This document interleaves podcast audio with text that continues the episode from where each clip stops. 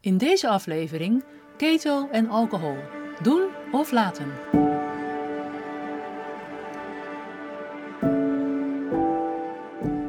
Hallo en welkom bij weer een nieuwe aflevering van de Keto Podcast. En vandaag gaan we het hebben over de ultieme vraag: hoe zit het met alcohol en het keto-dieet?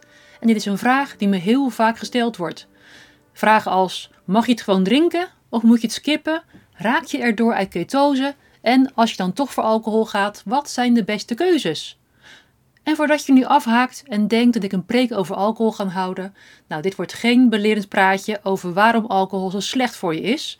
Want misschien zijn er ook wel gunstige kanten te vinden aan het drinken van een kleine hoeveelheid alcohol.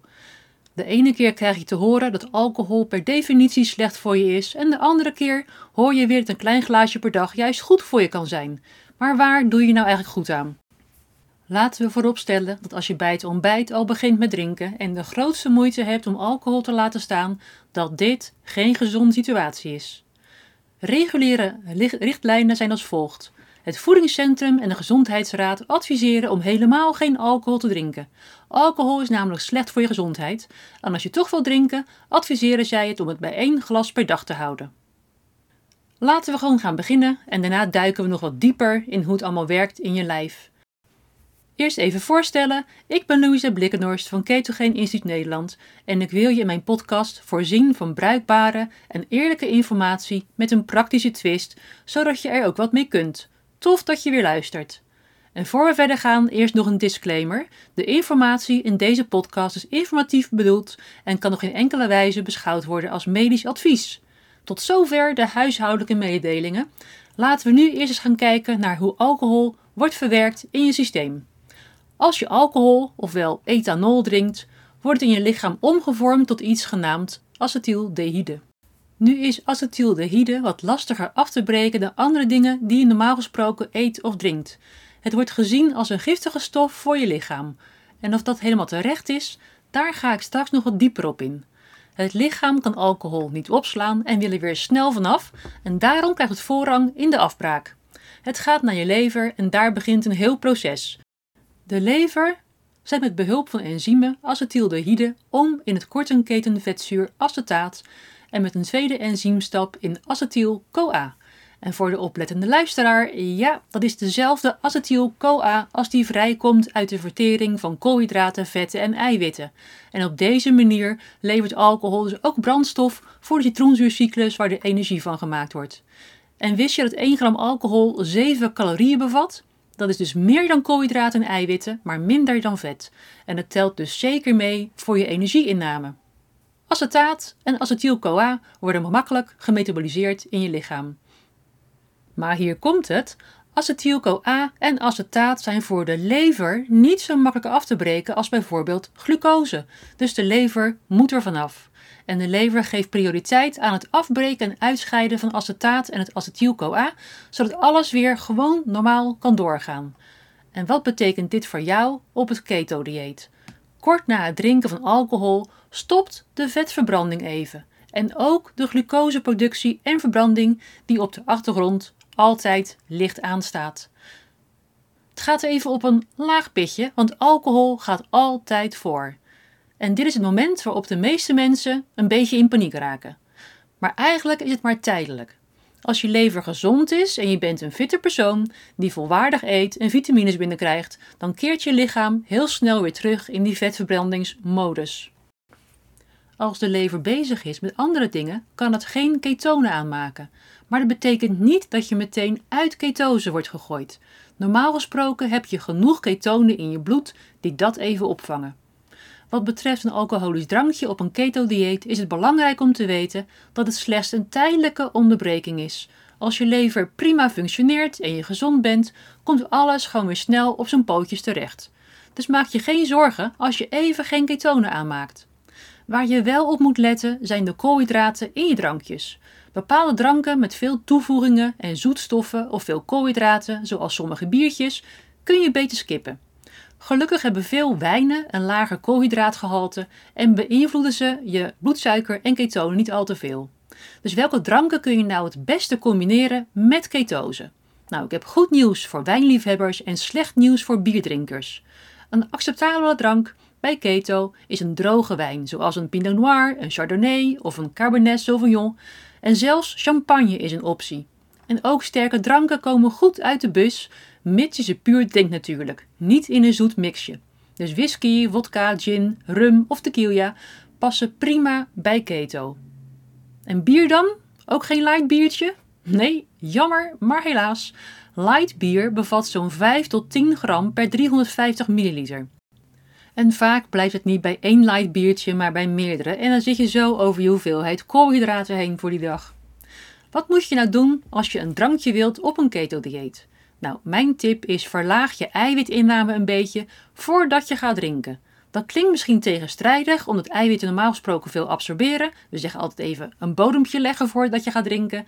Maar we willen juist nu de ketonenproductie hoger maken voor die borrel. Dus eet dan liever iets vets. En je kunt checken hoe hoog je ketonen zijn met een ketonenmeter. Niet met een urinestrip, maar een ketonemeter om je ketonen te meten in het bloed. En als ze lekker hoog zijn, tussen de nou, ruwweg 1.0 en 2.0 millimol per liter, dan heb je een soort buffer in je bloed. Dus als de alcohol even de ketonenproductie stopt, dan heb je genoeg backup in je bloedbaan om je door die dip heen te slaan en snel weer terug te gaan naar normaal. En dan nog een praktische tip. Zorg ervoor dat als je twee drankjes neemt, dat je er niet te veel tijd tussen laat zitten. Want dan raak je twee keer uit de vetverbranding in plaats van één keer. En dat kan net even een keer te veel zijn voor je ketose. En uiteraard, drink met mate. Op een keto-dieet ben je vaak gevoeliger voor alcohol en ben je ook sneller dronken. Je hebt dus meer lol van je glaasje dan voorheen, maar je bent ook sneller onder de invloed. Hou dit in gedachten als je later nog het verkeer in moet. En beter drink je natuurlijk helemaal niets als je nog moet rijden. Oh ja, wat ik nog meer wilde zeggen daarover is dat je ook sneller positief test als je moet blazen bij een alcoholcontrole. Hou ook dat in je achterhoofd, want ik weet niet hoeveel kennis de politie heeft van ketose en alcohol. En dan nog iets wat je moet onthouden. Ben je in ketose omdat je wilt afvallen en zit je al een tijdje op een plateau? Schrap dan alle alcoholische dranken en kijk eens even of dit de vetverbranding weer op gang kan brengen. Ben jij zo iemand die merkt dat een drankje of twee daarna een vreedkick oplevert? Veel mensen willen automatisch iets te snacken bij hun drankje en voor je het weet zit je aan de hapjes of in de snackbar. Dus ben je daar gevoelig voor, hou het bij één drankje en zorg voor een koolhydraatarme snack zoals een plakje worst, een gevuld ei of een niet gevuld ei, een uh, paar macadamia noten, dat soort dingen. En dan blijft een feestje of verjaardag ook de dag erna nog leuk. Dus in een nooddop houd vooraf je vetten wat hoger en je eiwitten wat lager. Probeer je drankjes te concentreren in een korte tijdbestek en kies voor schone alcoholen zoals gin, vodka, tequila en zonder te veel toevoegingen. Wijnen met minder carbs, zoals droge witte wijn, zijn vaak een goede keuze en ga heel voorzichtig om met bier. Dan kom ik nog even terug op de vraag of alcohol per definitie een slecht idee is. Het is wel wat glad ijs, maar ik doe mijn best om een rechte schaats te blijven rijden. Zoals ik al zei, als je afhankelijk bent geraakt en niet zonder kunt, dan is er iets heel erg mis en is het heel slecht voor je gezondheid om meerdere redenen. Er zijn echte studies die laten zien dat een bepaalde mate van alcohol ook positieve effecten kan hebben. De Amerikaanse wetenschapper en onderzoeker Chris Masterjohn schrijft vaak controversiële artikelen die haak staan op wat er over het algemeen geroepen wordt. En daar hou ik wel van. Dus uh, ook hier wil ik graag een paar punten uit een artikel van Chris over alcohol met je delen. Het is stevig onderbouwd bij allerlei studies, dus ik durf hem wel te gebruiken. En in de beschrijving zal ik een link zetten naar het artikel, compleet met video, zodat je het nog eens kunt terugzien. Het eerste interessante punt wat ik tegenkom in dit artikel is dat zelfs geheel onthouders zo'n 430 nanomol per liter aan acetyldehyde in het bloed blijken te hebben. Vergeleken met alcoholisten die zo'n 770 nanomol per liter in het bloed hebben. Er zit niet eens zo vreselijk veel verschil tussen. En deze uitspraak is gebaseerd op een vergelijkende studie. Een mens is nu eenmaal een grote chemische fabriek en maakt ook zelf acetyldehyde aan. Ook zonder dat je alcohol drinkt. Alcohol drinken brengt natuurlijk wel het risico met zich mee dat de totale hoeveelheid van het stofje uh, ja, toxischer is. Maar het is niet uniek als je het vergelijkt met andere voedingsstoffen. Voor de keto geeks onder ons is het volgende heel interessant. Als alcohol eenmaal is gemetaboliseerd tot acetyl-CoA, kan het zijn eigen toevoer tot de citroenzuurcyclus niet meer reguleren, vooral als daar geen andere vetten uh, of koolhydraten bij aanwezig zijn. Er ontstaat dus een grotere toevoer die niet verwerkt kan worden via de citroenzuurcyclus, mede omdat er te weinig citraat beschikbaar is. Het overschot acetyl-CoA gaat dan de ketogene route op en verhoogt de ketogenese, het aanmaken van ketonen. Op deze manier is ethanol dus ketogeen. En dit is deels de oorzaak van alcoholische ketoacidose, maar komt natuurlijk alleen maar voor bij mensen die heel veel alcohol drinken. In het artikel van Chris vind je een link naar een studie over dit onderwerp. De toxische belasting van alcohol verloopt niet uitsluitend via acetaldehyde. Het upreguleert ook CYP2E1. Het is een belangrijk enzym in de lever wat leidt tot meer vrije radicalen en oxidatieve schade. Het opvallende is dat we hier een vergelijking kunnen maken met ketonen. Insuline onderdrukt CYP2E1 en aceton dat voorkomt uit ketonen verhoogt het juist weer. CYP2E1 zet aceton in twee stappen om in methylglocal, wat giftiger is dan acetyldehyde. Super slecht nieuws zou je eigenlijk denken, maar wat nou als ik je vertel dat methylglocal ook zit in bijvoorbeeld manuka honing? En waar is manuka honing onbekend? Om zijn antibacteriële en schimmeldodende werking. Hmm, het is nog te vroeg voor een conclusie, maar blijf nog maar even luisteren. In de oude geneeskunde was al bekend dat giftige stoffen niet alleen een directe werking hebben door meteen dodelijk te zijn, je kunt het ook in hele lage doseringen gebruiken om een proces te stimuleren. dit noemen we hormese. Dit houdt in dat een stof die in hoge dosis schadelijk is voor een organisme, bij lage doseringen positieve effecten kan hebben. En dat zorgt voor een adaptieve reactie. Zie het als een soort training voor het lichaam om zich beter te kunnen weren bij grotere problemen. Ter vergelijking, je traint bij karate vaardigheden om jezelf te verdedigen, maar als het nodig is, kun je met diezelfde vaardigheden ook rakenklappen uitdelen. Volg je het nog? Nou, zo zou je hormese ook kunnen zien. Het trainen van een milde reactie die in sterke vorm een effectieve verdediging kan zijn. Ik vertelde je al eerder dat alcohol zorgt voor oxidatieve schade. Er is bekend dat een lichte verhoging van vrije radicalen het defensiemechanisme tegen vrije radicalen juist verbetert. En ik heb nog een interessante. Het verhogen van de enzymen die nodig zijn om alcohol te metaboliseren, zijn dezelfde enzymen die zorgen voor meer activatie van vitamine A, wat juist een positieve werking heeft.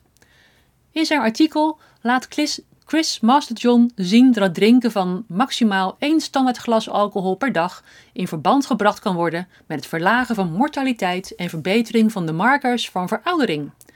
En vervolgens noemt hij een aantal aandoeningen waarbij het gebruik van een minimale dosis alcohol mogelijk een positief effect heeft.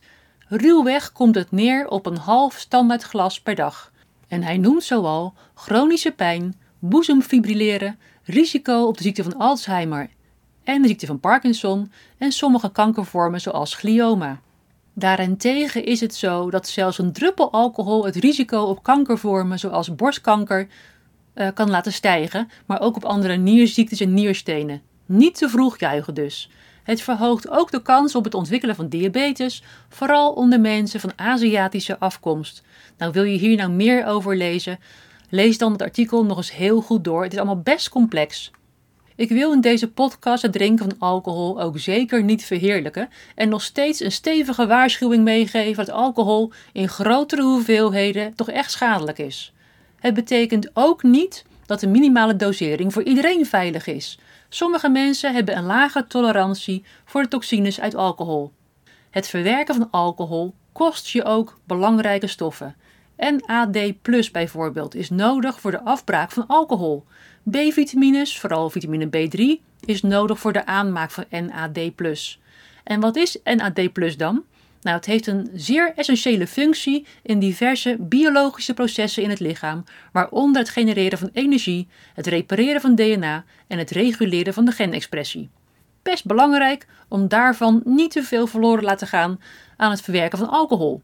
Dus, nou, na het hele verhaal, wat is nu eigenlijk de conclusie van deze uiteenzetting?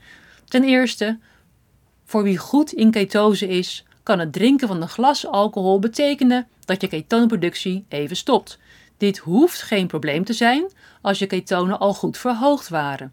Check dus vooraf goed of je in ketose bent, liefst boven de 1,0 millimol in het bloed. En ben je nog maar een paar weken bezig met je ketogeen voedingsplan, laat dan de alcohol zoveel mogelijk staan. Het zal waarschijnlijk dan langer duren om terug te komen in ketose. Ten tweede, als je een drankje neemt, kies dan voor iets wat lager is in koolhydraten, zonder allerlei toegevoegde smaakjes en rommel. En ten derde, drink geen alcohol als het je valkuil is of als je alcoholist bent. Een klein glaasje leidt dan vaak tot meer en meer. Pas je alcoholconsumptie aan op basis van wat voor jou het beste voelt en wat past bij jouw gezondheidstoestand. Gemiddeld komt het neer op zo'n 0,3 tot 0,5 standaardglazen per dag. Dus helemaal niet zoveel. En het komt neer op zo'n 10 tot 15 glazen per maand. Dus luister naar je eigen lichaam en pas je alcoholgebruik aan wanneer nodig. En daarmee ga ik deze podcast alweer afronden. Alcohol is een heel gevoelig onderwerp, vooral omdat er zoveel emoties ook bij komen kijken. En ik hoop dat je met deze informatie een realistisch beeld hebt gekregen van waar je verstandig aan doet bij het drinken van alcohol terwijl je in ketose bent. En ook wanneer je niet ketogeen eet en gewoon wilt eten, ehm, dan wil je toch ook weten waar je goed aan doet voor je gezondheid. Ben je net als ik ook zo gefascineerd door het metabolisme en ketose en zou je willen leren hoe je dit kunt toepassen in je praktijk? Ketogene Instituut Nederland biedt hier twee vooruitstrevende opleidingen in aan. Ga naar de website www.ketogeeninstituut.nl en lees alle informatie eens door. En wil je voor jezelf ervaren hoe een ketogeen voedingspatroon je, in, uh, je gezondheid en je energie kan veranderen? Dan is het Keto Leefstijlprogramma wat voor jou. En ook dat vind je op onze website. Nou, dan zijn we nu echt aan het eind gekomen van deze podcast. Dank je wel voor het luisteren en graag tot de volgende keer.